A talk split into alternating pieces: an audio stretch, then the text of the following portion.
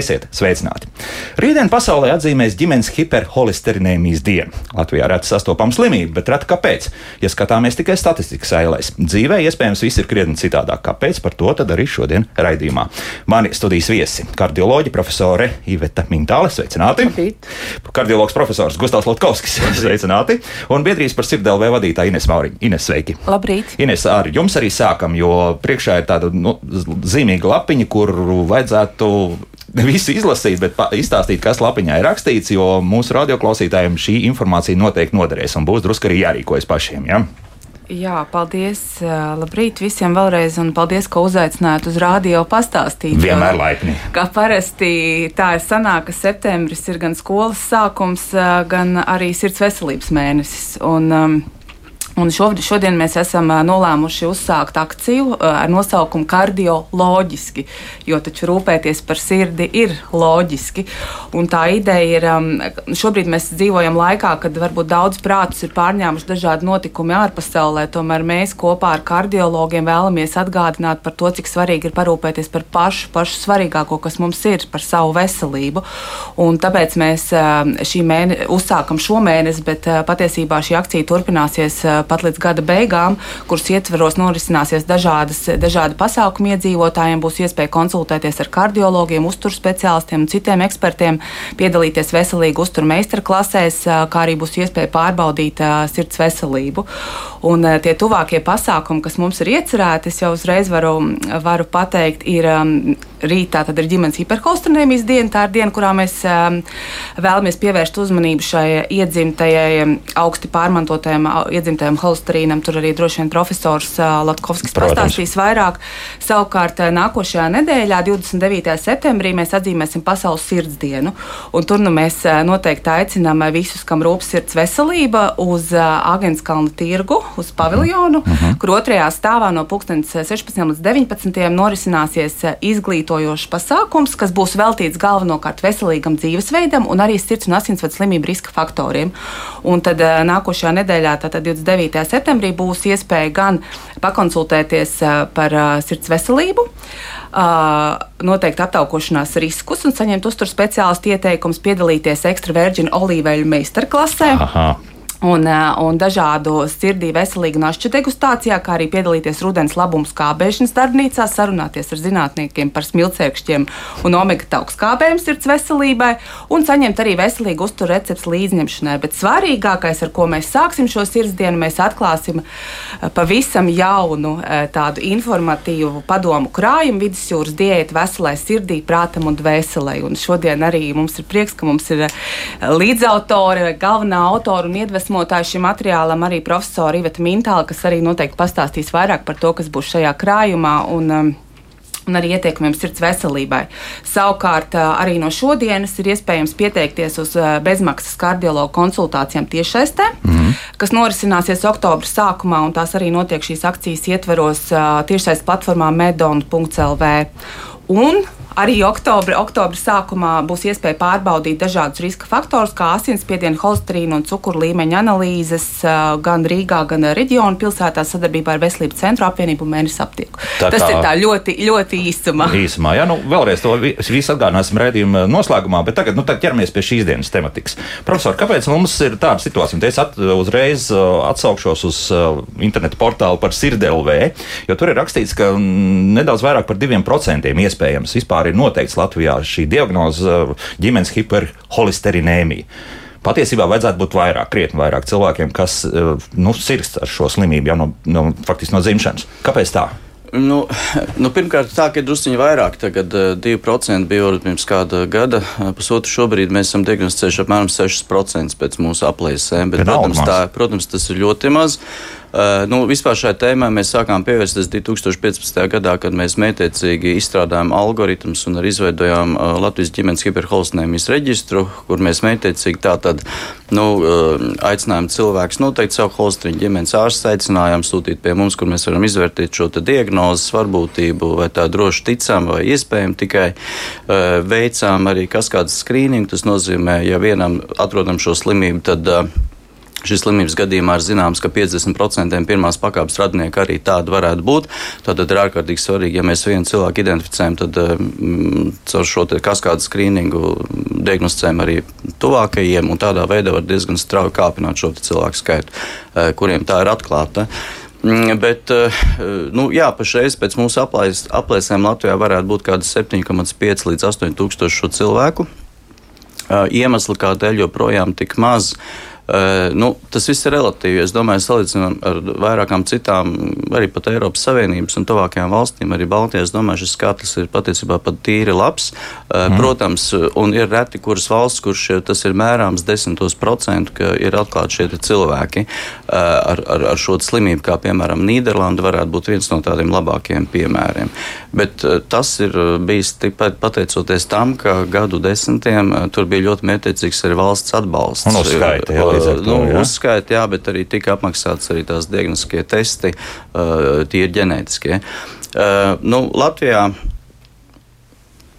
Es domāju, ka viena no problēmām ir tā, ka joprojām uh, viena daļa cilvēku nenosaka savu holesterīnu līmeni, jo pašreiz pēc jaunākajiem ieteikumiem pirmo reizi vajadzētu holesterīnu noteikt pirmskolas vecumā, 5-6 gadi. Uh, Uh, Otrakārt, viena daļa cilvēku pat zinot savu holesterīnu īsti līdz galam neapzinās to, cik tas ir svarīgi, ka tomēr ir nepieciešams par to nu, ne, tikai zināt savu skaitli, bet arī kaut ko darīt ar to. Uh, reizēm varbūt izpaliek šī holesterīna līmeņa uh, pareiza interpretācija. Nu, piemēram, nu, orientējušies varētu teikt, ka ja kopējais holesterīns ir virs 7 ml vai zema blīvuma virs 5 mmol litrā uh mhm. -huh. pieaugušam cilvēkam, obligāti uh, vajag konsultēties gan pie ģimenes ārsta, vai pie kardiologa, vai arī pieteikties mūsu reģistrā. Uh, mums ir telefona numurs, pa kuru var pieteikties. No galas nenosaukšu vēlāk, var pateikt, uh, kur tā tad uh, mēs varam nokonsultēt, vai tā tiešām ir ģimenes hiperholsinēmija vai nē. It īpaši, ja pirmās pakāpes radiniekiem, uh, vai nu tēvam, vai mātei, vai brālim, māsai, ir jau bijušas agrīnas sirds asinsvadu slimības kādas problēmas ar to. Ja? Bet tas nozīmē, tā, ka arī tam bērnam būs eh, šie paši paaugstinātie rādītāji, šis septiņu kopējais skaitlis, un tas sliktais, respektīvi, zem blīvuma holesterīns būs palielināts. Tātad, ja piemēram pieaugušam cilvēkam šis kopējais holesterīns ir pieņemsim 7, 8, un eh, sliktais holesterīns, jeb ZBLH, ir uh, 5, 6 Eh, tad, eh, ja, eh, tad ir 50%, ja, un ja tā ir tiešām šī autosomāla dominantā sauktā īstā ģimenes hiperholstinēmija, ir 50% varbūtība, ka arī kādam bērnam pārmantojas. Līdz ar to, ja piemēram ir nu, trīs bērni, tad nu, vienam visdrīzāk noteikti būs varbūt pat diviem. Mm -hmm. uh, bet, nu, bet, protams, ja? nu, pie vidējā aritmētiskā statistika mēs nekad nezinām, kā tas var, nu, var dažādi. Izklausties var arī visiem būt. Var, var būt visiem vai nevienam, bet tā tāda laimes vai nelaimes spēle. Bet, Eh, nu, jā, un, un, un, eh, protams, ka bērniem arī ir, ir, ir šo holesterīnu vajag noteikti. Nu, nav tā, ka bērnu obligāti uzreiz vajag stiept laboratoriju, bet, ja nerad bērnam veids analīzes eh, kaut kāda cita iemesla dēļ, noteikti atcerieties, sākot no 5 gadu vecuma pārbaudīt arī tos lipīdus, it īpaši ģimenē vai pašiem ir augsts holesterīns. Vienīgais gan atkal par bērnu holesterīnu interpretāciju tur ir jāņem vērā, ka bērniem holesterīns ir zemāks, un tur tā robeža, kad jau vajadzētu būt aizdomām, ka varbūt tas ir nu, patoloģiski paaugstināts holesterīns. Uh, nu, varētu būt, ja šis zema blīvuma, kas pieaugušam skaitītos 5, tā robeža, tad bērnam tas būtu 3,5, plus mīnus 3,5, 3,6. Tā ir krietni zemāk, jā. jā. jā. Bet līdz ar to tad Kāda tā tālākā reakcija? Labi, konstatējuši mēs esam, nu, dzīvosim līdz 40, tad jau sāksim domāt par savu veselību, kā tas vienmēr ir. Šīs slimības gadījumā tur ir tā, tā, tā nelaime, ka uh, ap 40 gadiem jau var būt ļoti smagas komplikācijas. Uh, jo šīs slimības gadījumā faktiski jau no dzimšanas brīža uh, uh, visa bērnība, pusauģis gadi tiek pavadīti ar nu, apmēram divas reizes augstāk, nereti pat vēl augstāku holesterīna līmeni nekā vienaudžiem. Tas nozīmē, ka, ja sas, tad, kad sasniedz 30 gadus, tad tā holesterīna deva ir bijusi tāda kā citiem 60, 70 gados, un nav brīnums, ka tad mēs tik tiešām 30, 35, 40 gadu vecumā konstatējam arī sievietēm, starp citu, jaunām sievietēm, kuras pat ir sportiskas, visu pareizi ievēro, ir slaidas bez liekā svara. Tiešām mēs konstatējam šīs slimības. Pavisam nesen man bija gadījums, kur arī apmēram šī vecumā sievietē faktiski trīs arteriju slimību, kur faktiski, nu, diemžēl ir bijis tā, ka nu, tikai nu, pēc 35 gadiem sāk pievērst uzmanību tam holesterīnam. Lai gan tā nekāda sūdzība nebija. Jā? Nu, jā, protams, ka vai jūs jūtat savu holesterīnu šobrīd? Nu, neviens nejūt. Jā? Un, un loģiski, ka nu, jā, un sūdzība nav tāpat, kā mēs nejūtam daudz ko, kas mūsu organismā atrodas. Mm -hmm. jā, bet... tas, nu, jā, tas nozīmē, ka šī slimība principā ir bīstama ar to, ka ārējo faktoru nekādu kādu laiku, kur krietnus gadu desmitus var nebūt vispār nekāda. Viņas, šī slimība ir bīstama ar to, ka var ievērot perfektu dzīvesveidu, bet tā ģenētika nosaka, ka tas holesterīns ir tik augsts, ka iedzīvojas infarktā vai, diemžēl, varbūt vēl smagāks izpausmes eh, un, un nu, 30, 35, 40 gadu vecumā. Jaunākais pacients, kuram mēs esam konstatējuši aterosklerozi, ar šo slimību ir jau ap 27 gadiem. Mm -hmm. Tātad, ja mēs tagad iesaistīsim sarunā profesoru Mintālu, tad šeit mēs ar teiksim, uzturu pareizu lietošanu neko nepanāksim. Ja? Jebkurā gadījumā arī tas būs vajadzīgs šādās situācijās viennozīmīgi, jo pareizs dzīvesveids un tā skaitā arī pareizs uzturs ir svarīgs jebkuram cilvēkam, jebkuram. Jo šeit mēs runājam par profilaks jebkurai hroniskai saslimšanai, vai tā būtu kardiovaskulāra slimība, tā skaitā arī ģimenes hiperholsterinēmija, vai tā būtu cukurdiabēts vai podagra vai, vai vēzis.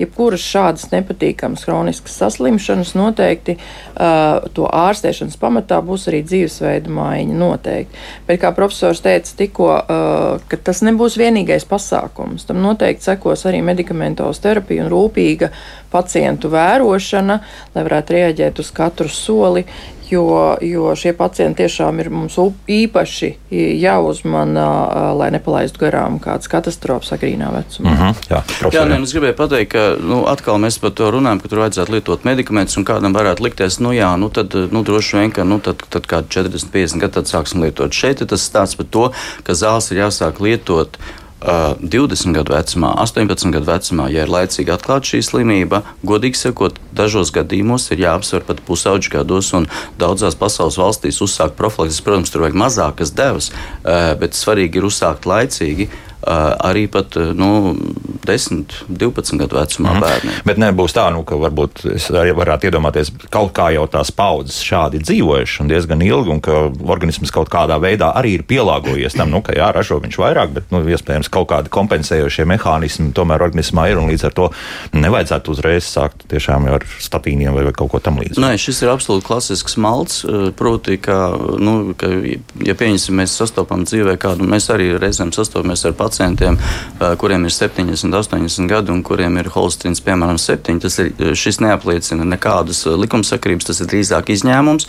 Un ļoti bieži šiem pacientiem tomēr izrādās šādas tādas sūdzības ir, un kad mēs izmeklējam arterijas, tur ir tā aizaudzis, ka vienkārši viņiem ir paveicies, ka viņiem nav noticis infarkts, tur tās eh, vietiņas nav plīsušas, nav veidušies trombi, eh, bet eh, nu, praktiski tādi, kuri šādiem holesterīna līmeņiem nebūtu sirds asinsvads slimības, nebūtu aterosklerozi, tādi praktiski nemēdz būt.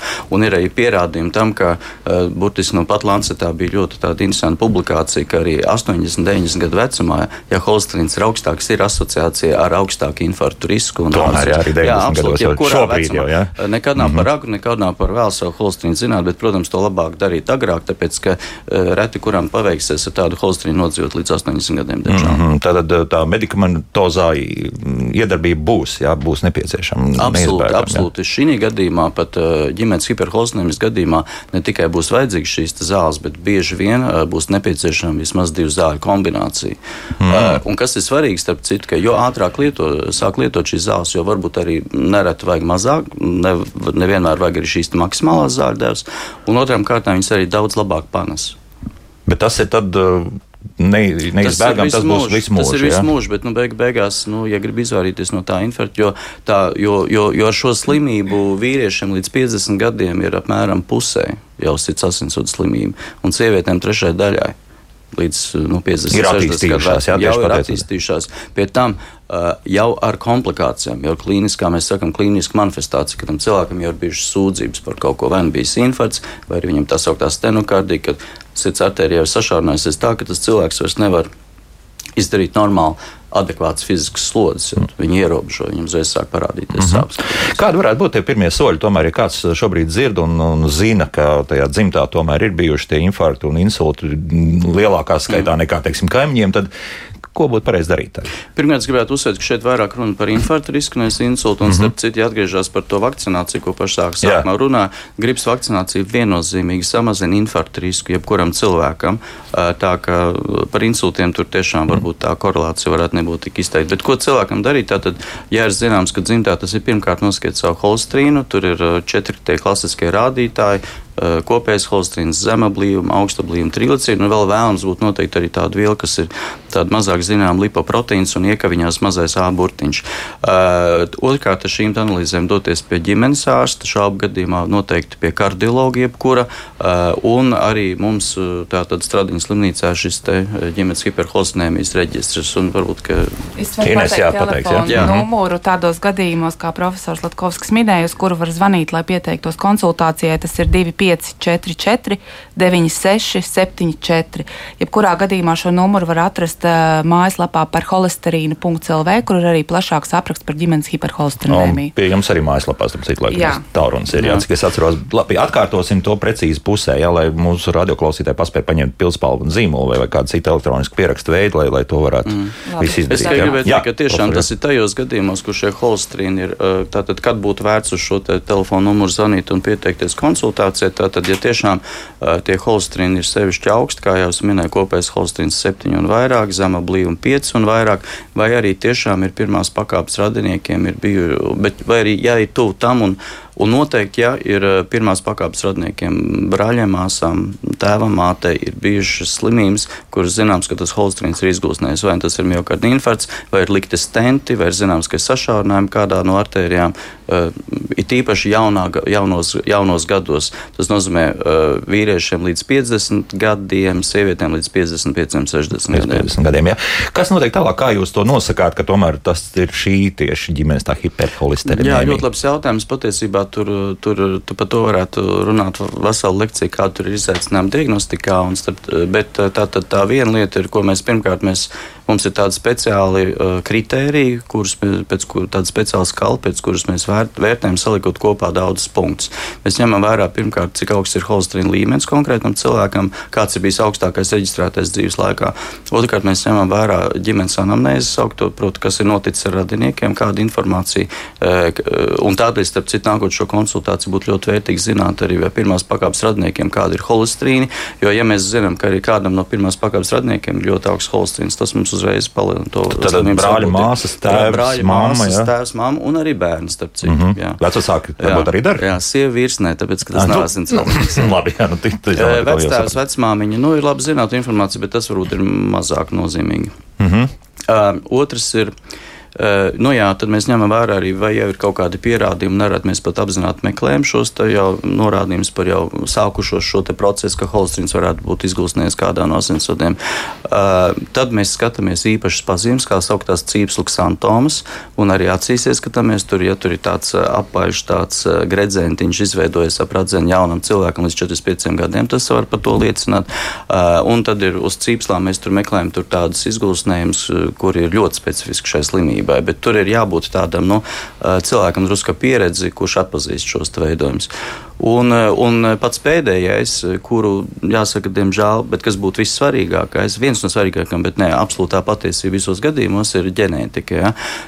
Ģenētiskos testos jāatrod, ka tur ir atrasta mutācija, ja ģenētiskā variācija, kas ir zināms pēc literatūras. Ir viennozīmīgi asociēta ar šo slimību, nu, tad tur dod tik daudz punktu, ka automātiski tā slimība ir. Bet, Bet tad jāveic ģenētiskās analīzes. Ja ģenētiskās analīzes, un tur daudz izaicinājumu. Pirmkārt, Latvijā tās neapmaksā, un mm -hmm. tas ir jautājums, ko tomēr vajadzētu risināt. Otrkārt, tur nav tā, ka var meklēt konkrētas mutācijas, bet tur vajag paņemt četrus gēnus un sekvenēt viņus, visu viņu eksomu, uh, izanalizēt, vai, jo ir, ir, jā, jā, ir, ir diemžēl šī te nu, katrā populācijā, katrā iedzīvotāju grupā, dažādās valstīs, un mēs esam diezgan heterogēna populācija patiesībā. Eh, Ko mums, tas nozīmē? Tas, tas nozīmē, ka mums ir dažādas etniskās izcelsmes mm -hmm. anamnēzes. Jā, nu, jā, jā, jā, jā. Neesam mono, jā. Mēs neesam tik monogēni, varbūt kā dažas citas grupas, un, eh, un, un tur ir iespējams ļoti dažādas šīs mutācijas. Tur, tur nevar tā, ka mēs meklējam mērķtiecīgi kaut kādas 10, 12 vai pat 20. Un, mēs zinām, 30. ka kuldīgā visi ne, vai nu slimo vai neslimo. Nē, bet vienkārši Latvijā mums, diemžēl,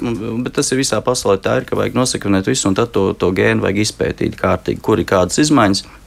Tad ir nepieciešama literatūras analīze un, un, un, un, un modelēšana, vai tiešām tas varētu izraisīt proteīna izmaiņas. Tā tas ir mazliet sarežģīti, un tādēļ, diemžēl, šī analīze var maksāt diezgan padārgi. Nu, Metodes pēc acīm un rokām var noteikt ātrāk. Jā. Bet, nu, negluži, bet, bet katrā ziņā mēs ir, ir gadījumi, kur mēs varam viennozīmīgi pateikt, jā, šī varbūtība jau ir tik liela. Un, starp citu, tas ir arī tas, ar ko mēs arī šī gan reģistrā, gan arī kā zinātniskā grupa nodarbojamies. Mēs arī piedalāmies starptautiskos projektos, kur mēs vērt, meklējam arī šīs, te, šos te jaunos skaidrojumus, kādēļ šī slimība attīstās. Jo, mhm. -huh. jo nav simtprocentīgi visā pasaulē skaidri zinām visi mehānismi, kādēļ šī slimība ir. Izrādās, Mutācijas var neatrast, bet ļoti precīzi var redzēt, kā ģimenē tas pārmantojas. Bet vēlreiz atkārtojam, jums tās sagādā diezgan liels problēmas tieši šī slimība. Jā? Nu, tā, Skatoties. Nē, nu mums, nē, nu, mums ne, pacientiem sagādā nu, problēmas. Jā, jā, mums, bet... mums vairāk mums, mēs, mēs rūpējamies par pacientiem, darām, ko visu varam. Es domāju, ka tā aprūpe šiem pacientiem, ko mēs nodrošinām, ir ļoti laba.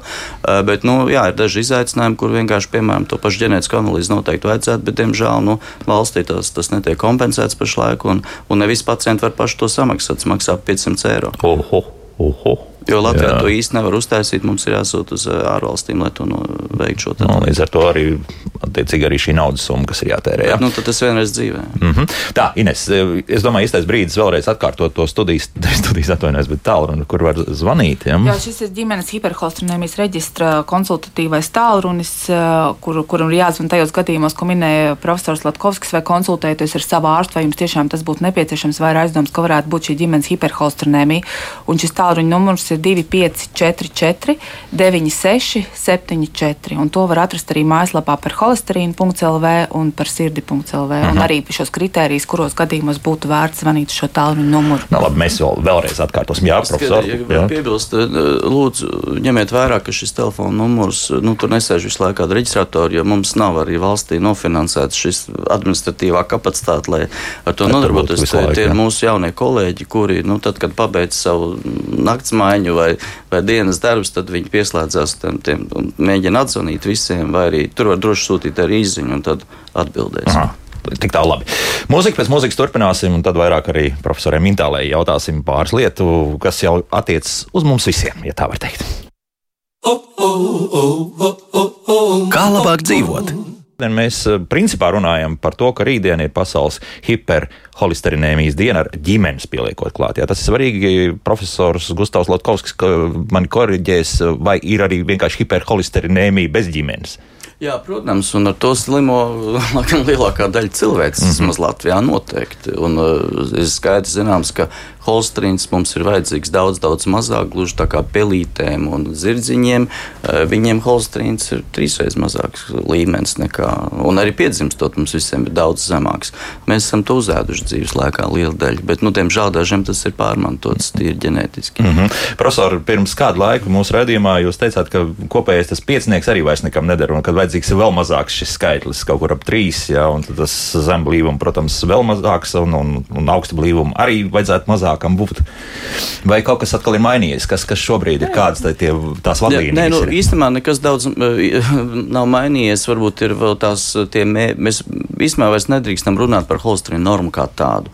Uh, tad, kad jebkurš, kas saņem holesterīnu analīzes, uz tām paskatās, ir jāņem vērā, ka tās nepieciešams interpretēt ārstam speciālistiem, uh, un vislabāk ar to tikt galā kardiologi jāsaka. Un, Uh, nu, lūk, un, ja, ja tādā laboratorijā reizēm pirmkārt mēs skatāmies uz zemeblīmu holesterīnu vairāk nekā uz to kopējo, vēl ir tāds neABLH, uh, bet otrs, ja tur tādā laboratorijā pretī tam ZBLH ir tā sauktā reference 3,0. Tā nav norma. Tāpēc, ka ja cilvēks smēķē, vai arī viņam ir diabetes, vai arī viņam jau ir sirds asins slimība, tam ir jābūt nevis vienkārši zem 3, bet uh, nu, zem 1,4, daudzos gadījumos zem 1,8, un arī reizēm ar to ir pat vēl par daudz.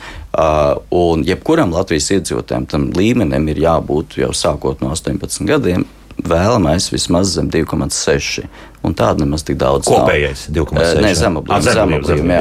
Jā. Jā. Un Ines var pateikt, laikam kādiem Latvijas populācijas šķērsgriezuma pētījumā šķiet, ka 70% tas ZBLH ir virs 2,6. Nu jā, šķērsgriezuma pētījuma dati liecina to, ka, ja, me, ja skatās pēc vecajiem datiem, kuras ZBLH holistīna bija jābūt zem 3 milimoliem litrā, mm -hmm. tad tas bija 62% Latvijas iedzīvotājiem, kas ir nu, diezgan ievērojams skaitlis. Kas, protams, labā ziņa tā, ko mēs arī iepriekš esam runājuši, ka tas ir mazāks un ir kritums salīdzinot ar laiku pirms desmit gadiem.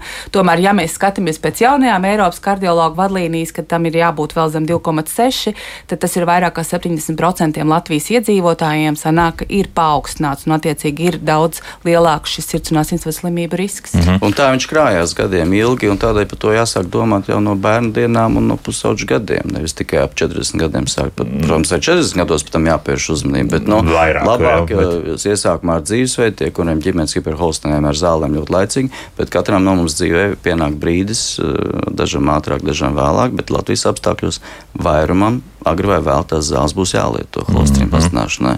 Mm -hmm. Profesor Mintāli, tagad gan mēs iesaistīsim sarunā. Nu, tad pirmais sākam tomēr laikam ar to, ko mēs ēdam. Ja? Un, un es domāju, ka šobrīd nu, tas tuvākais pusgads, iespējams, pat vairāk uh, saistībā ar to, ka pārtiks cenas ir strauji gājušas uz augšu. Tas nozīmē, ka cilvēki sāks izvēlēties nevis kvalitatīvāko, bet lētāko. Nu, ja mēs runājam par cenām un veselīgu ēšanu, tad es gribētu teikt, ka veselīgi ēst nemaz nav tik dārgi. Jo galvenais pamats veselīgai ēšanai ir liels dārzeņu devas, daudz pakšaugu, gana bieži.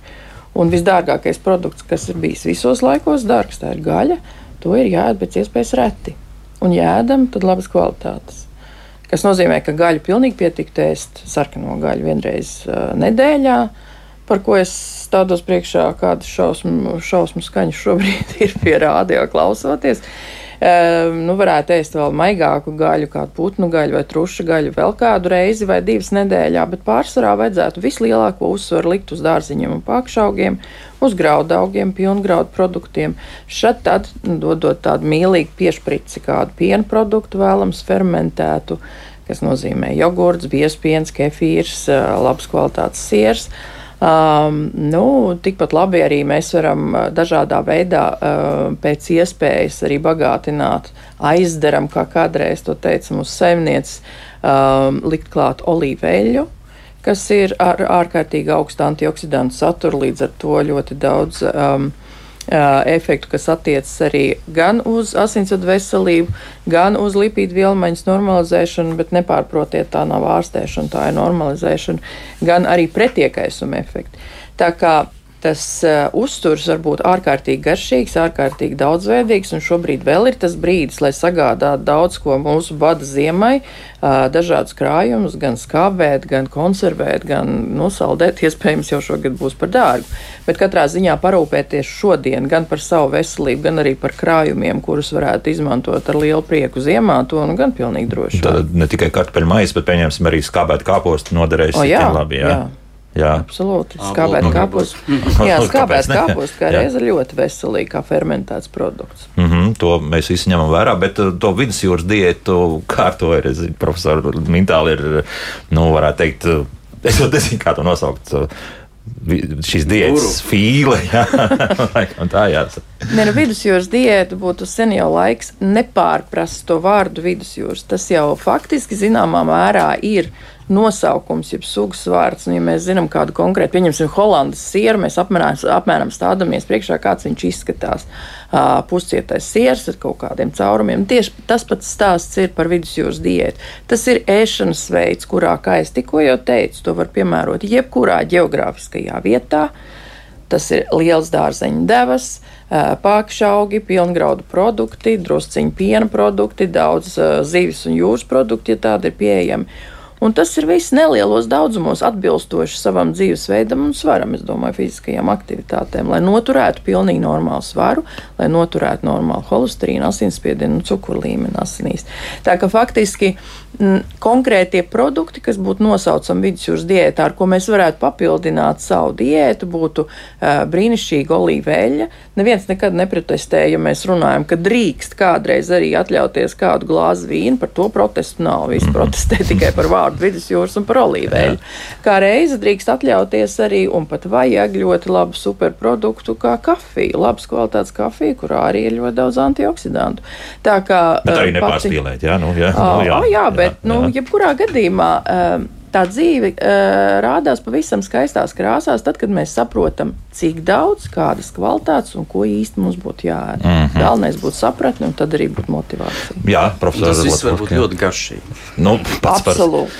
Tikai atkal ar to sāli. Jums sāli nu, nepatīk. Jā, sāli, nē, nu, sāli vajag mazāk, ir īpaši ar paaugstināts asinsspiediens un kopumā. Bet, jā, bet būsim godīgi, tā sāls, ko mēs pieberam mājās, gatavojot ēdienu, ir mazākā daļa mm, no visas. Visvairāk sāls ir tieši industriāli ražotos, iepakotos Protams. produktos, lai pagarinātu dzīvi ilgstu. Diemžēl arī sabiedriskā ēdināšana. No, jā. Kā citādi, jā un arī tos pusfabrikātus, ko mēs varam nopirkt veikalā. Nu, ar to jā, jārēķinās. Bet tomēr, um, mums raksta Anna, gaļa neēd gandrīz nemaz, garšo piena produktu un dārzeņu, bet holesterīns ir augsts. Jo, jā, garšo arī saldumu un rieksti. Nu, lūk, jā. nu, tas ir tas klasisks piemērs, ka, protams, es nezinu, cik augsts, bet, ja gadījumā tiešām tas kopējais ir septiņi vai vairāk, vai ap to, un zema blīma pieci, nu, tad tas ir klasisks stāsts, kur cilvēks var darīt perf ievērot perfektu dzīvesveidu, un tik un tā tas holesterīns būs augsts. Tas varētu norādīt tiešām uz šo ģimenes hiperholesterīnēmiju. Bet uh, mēs kaut ko ar fiziskām aktivitātēm varam nodedzināt to visu. No? Mēs saprotam, tā, ka, ja teiksim, tā nav ģimenes hiperholesterīnēmija.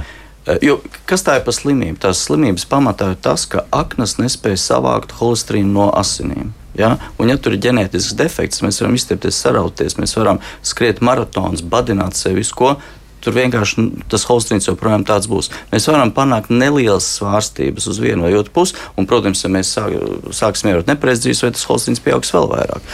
Bet atšķirībā no daudziem citiem cilvēkiem, kuriem tomēr tā, tā holsteina savākšana uz aknām noteikti normāli, ja mēs savācamies un te, teiksim, tiem pāriem cilvēkiem, viņiem pieņemsim, nu, manā gadījumā es zinu, ka man dzīvesveids ļoti ietekmē manu holstrīnu līmeni. Bet, diemžēl, šie cilvēki, viņi dzīvo liela daļa no tiem pacientiem, ģimenes holstenēmi, viņi ir daudz veselīgāki, tik sakot, pat par mani. Nu, nevis pat, bet par mani. Un, eh, nu, Un, un ir tie holesterīni, mm. 8, 9. Bet, profesor, ko mēs teiksim Annai, tad viņai vajadzētu arī pārbaudīt, vai tā varētu būt iespējams ģimenes hiperholesterinēmija, vai, vai šeit, šeit gadījumā vienkārši nu, mēs ieteikt, ja tā tomēr nav, tad, tad mēs mainām drusku diētu un, un varbūt drusku vairāk kustamies. Es domāju, ka noteikti vajag pakonsultēties pie, pie, pie kardiologa vai arī vismaz iesākumā pie ģimenes ārsta un, un, un, un tā tālāk ir jāizvērtē jebkurā gadījumā to nevajag tāds tāds uh, bez ievērības. Mm -hmm. Bet, jo var gadīties, ka varu tiešām tas ir tas gadījums, kur ir jālieto holsteina zāles vai laicīgi kaut vai nelielās devās iesākumā. Bet, ja cilvēki klausās, es pie profesora Mintāls atkal griezīšos, nu, ka viņi uzkāp uz tā velo ergonometra, tur pagriež tos pedālīšus, tad daudz tomēr sāk domāt un šo to maina savā dzīvē, ja mēs runājam vienkārši par cilvēkiem, kuriem palielinās holesterīns. Nu, daudz sāk domāt, bet daudziem parasti ir uz katru manu, jā, ir diezgan daudz, bet jā, tā, faktiski tā, tā, tā strīdē strīdēšanās, ka to nevar un šo nevaru, bet beig beigās ir negribu un neizprotu un labāk man neaiztieciet. Nu, tas ir vislielākais gadījums skaits. Tieši tādēļ es arī runāju par to, par to domu un sevis apzināšanu. Es tomēr gribētu to nosaukt arī par sevis cienīšanu, domāt, ko mēs ēdam, cik daudz kustamies un kādu svaru arī varam noturēt, jo svaram ir ļoti liela nozīme mūsu veselībā. Un tieši fiziskās kustības ir atbildīgas par mūsu normālu svaru un locītavu un muskuļu veselību, bet nu, ēšana tomēr pāri visam nodzīt mm -hmm. svaru tikai ar fizkultūru nevarēsim. Tur ir ļoti, ļoti jāpiedomā, ko, cik un kādā veidā ēst. Jā, jā, jā, es gribēju uzsvērt, ka dažiem liekas holesterīns un svars tur vienādības zīme, un ka, nu, ka tie, kuriem tā ģimenes ir holesterīna, ka viņi tur tādi apaļīgi un aptaukoši, tas kā galīgi nē. Liela daļa no viņiem ir absolūti slaidi, sportiski cilvēki, kuriem vienkārši nu, ģenētiski ir tik augstas kolesterols. Diemžēl tā ir. Jā. Nu, Silvija mums, piemēram, raksta, jau gadus desmit lietoja stipras pretholesterīna zāles un līmeni uztur ap 3,5, jo ir aritmijas liekmes. Tomēr mammai un viņas brālim nekad nebija paaugstināta holesterīna. Ēda veselīgi, bija ar lieko svaru Jā, ar lieko svaru, starp citu, un abi nodzīvoja krietni virs 80 gadiem. Kā te, te ar pārmantojamību? Nu, tad te nav tās ģimenes hipertenzīvas. Nu, redzēt, protams, mēs negribam iet tagad ārkārtīgi daudz tādās, nu, arī, ar, arī jebkurām slimībām mēdz būt šīs dažādas nokrāsas, jā. Mhm. -huh. Un arī paaugstinātam holsterinam tie mehānismi ir gadījumi, ka tas ir tīri dzīvesveida dēļ, ir gadījumi, ka tā ir absolūti tīra ģenētika, kur ir absolūti tikai viena mutācija un Holsteins ir divas, trīs reizes augstāks.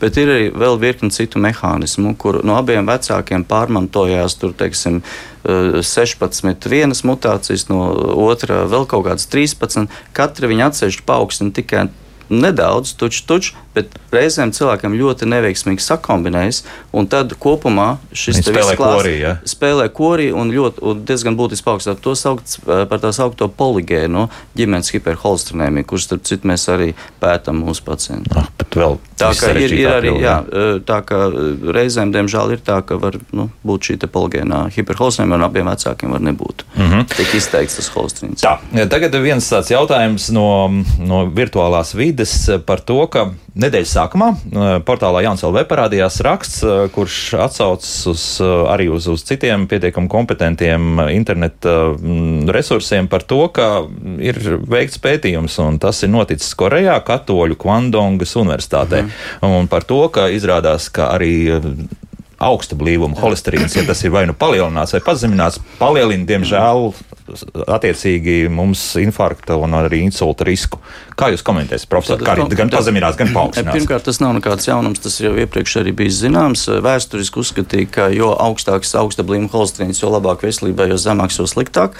Uh, šobrīd ir zināms, ka pat tas pat nav riska faktors, bet tas ir tāds kā marķieris, kurš parasti vairāk norāda uz uh, iespējams nelabvēlīgu dzīvesveidu. Bet tik tiešām ir tā, ka tas optimālākais augsta blīvuma lipoproteīna holesterīns varētu būt ap no 1,2, 1,5, 1,6. Ja ir zems būtiski palielinās insulta slimību risku, bet, ja viņš ir paaugstināts, teiksim, 2,5 un vairāk, tad tiešām arī var būt paaugstināts šis sirds asinsvadu slimību risks. Tā, mm -hmm. tur ir arī, bet jāsaka, es domāju, ka Latvijas apstākļos, ja kādreiz uzskatīja, nu, ja tas ir 1,5 un vairāk, tad tas jau ir tā kā antiriska faktors, ka nu, tad Jā, tā slimībai nevajadzētu labi, būt. To absolūti tās tēze absolūti vairs nav spēkā. Godīgi sakot, tas, ko, uz ko mums jāskatās, ir vai nu zema blīvuma holesterīns, vai arī nu, ir vēl tā, ka mēs no kopēja atņemam augsta gadījumu, tad tur ir tāds ne ABLH. Tā ka nu, nevar jau viss izstāstīt tā rādio, bet mēs katrā ziņā tīri ilustrācija, ka nu, tad, kad ierodas pie kardiologa konsultācija, tad nu, mēs izvērtējam dažādas aspektus tai holesterīna lipīdu vielmaiņai. Mm -hmm, bet tad, vēlreiz kardiologs to var izvērtēt. Jā, nu, es tomēr gribētu teikt, ka, protams, mums ir ļoti daudz ģimenes ārstu, kas brīnišķīgi ar to arī var tikt galā. Bet, uh, Nu, kard, tā, tas ir viens no kardiologa pamatu uzdevumiem, tomēr arī ar šiem jautājumiem strādāt. Mm -hmm.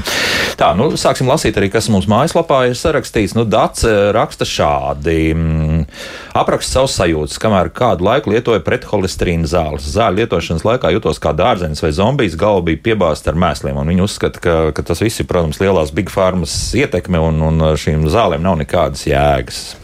Nu, pilnīgi smuļķības, protams. Nu, mums ir ļoti daudz tādu, kur ik pa laikam uzrādās ar savām īpatnējām teorijām. Es nesaku, ka šīs zāles viss perfekti panes. Jā. Protams, gadās daži, bet es teiktu, ir varbūt kādi 5%. Nu, kā dārzeņi parasti viņi tad nejūtās.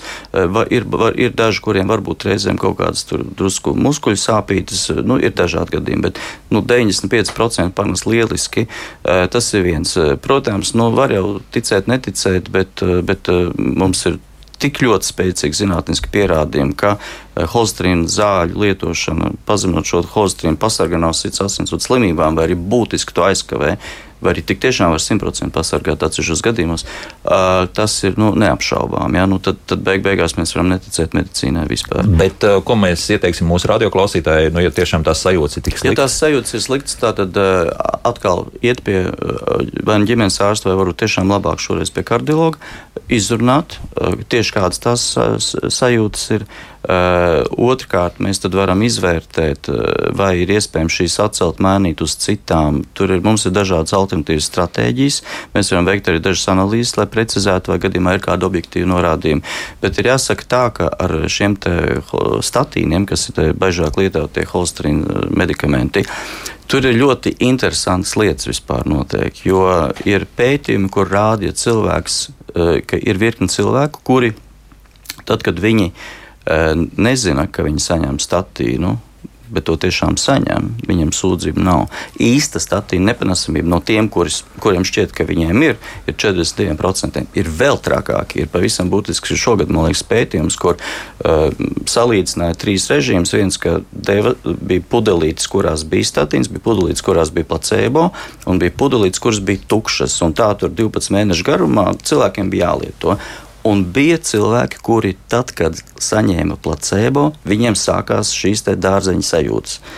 Un, tad, kad saņēma, un, jā, un vienkārši, tas, vienkārši Neko, vienkārši saņemot, ja? saņemot neko, viņš sajūtās sliktāk, tāpēc, ka lūk, viņš taču saņem zāles. Ja? Tableti. Tableti, jā, jā, jā, jā, tableti. Bet bija tādi, kuriem bija, kuriem bija visu laiku, vai arī nebija nemaz. Ja? Bija mm -hmm. daži, kur, teiksim, nu, tur, tur ļoti dažādi scenāriji. Mēs mākam sev pētījumi, un ir arī pētījumi, ka tās valsts, kurās vairāk googlā meklē uh, informāciju par statīnu nepanesamību, tur arī biežāk šīs statīna nepanesamības skaidrs. Jā. Vēlreiz saku, jā, mm -hmm. ir mhm. daži, kuriem pa īstam ir šīs nepanesamības, un tur mums arī alternatīvas stratēģijas. Uh, bet, bet vienā daļā gadījumā tur man arī bijuši tādi pacienti gadījumi, kur mēs nu, reizēm varbūt cilvēks satraucās. Tiešām tās bažas man visu mūžu būs jautājums, un tad es kaut ko dzirdēju, tā. Mēs ir situācijas, kur mēs varam apturēt šo terapiju, mēs drusku nogaidīt, vēlreiz mēģināt, ir daudz gadījumu, kur īstenībā brīnišķīgi tas aiziet. Mm -hmm. Profesoram Mintālē, es domāju, ka jautājuši Ilvas pārdomas Ķīnā iedzīvotājiem pēc 40 gadiem obligāti jānodod vidukļu apkārtmēra mērījums reizes gadā, laikam jau savam ārstam. Ko jūs domājat par to, ka ārstiem jāiesaistās aktīvāk un ar kritiku pret pacientiem ar pamatīgi lieko svaru?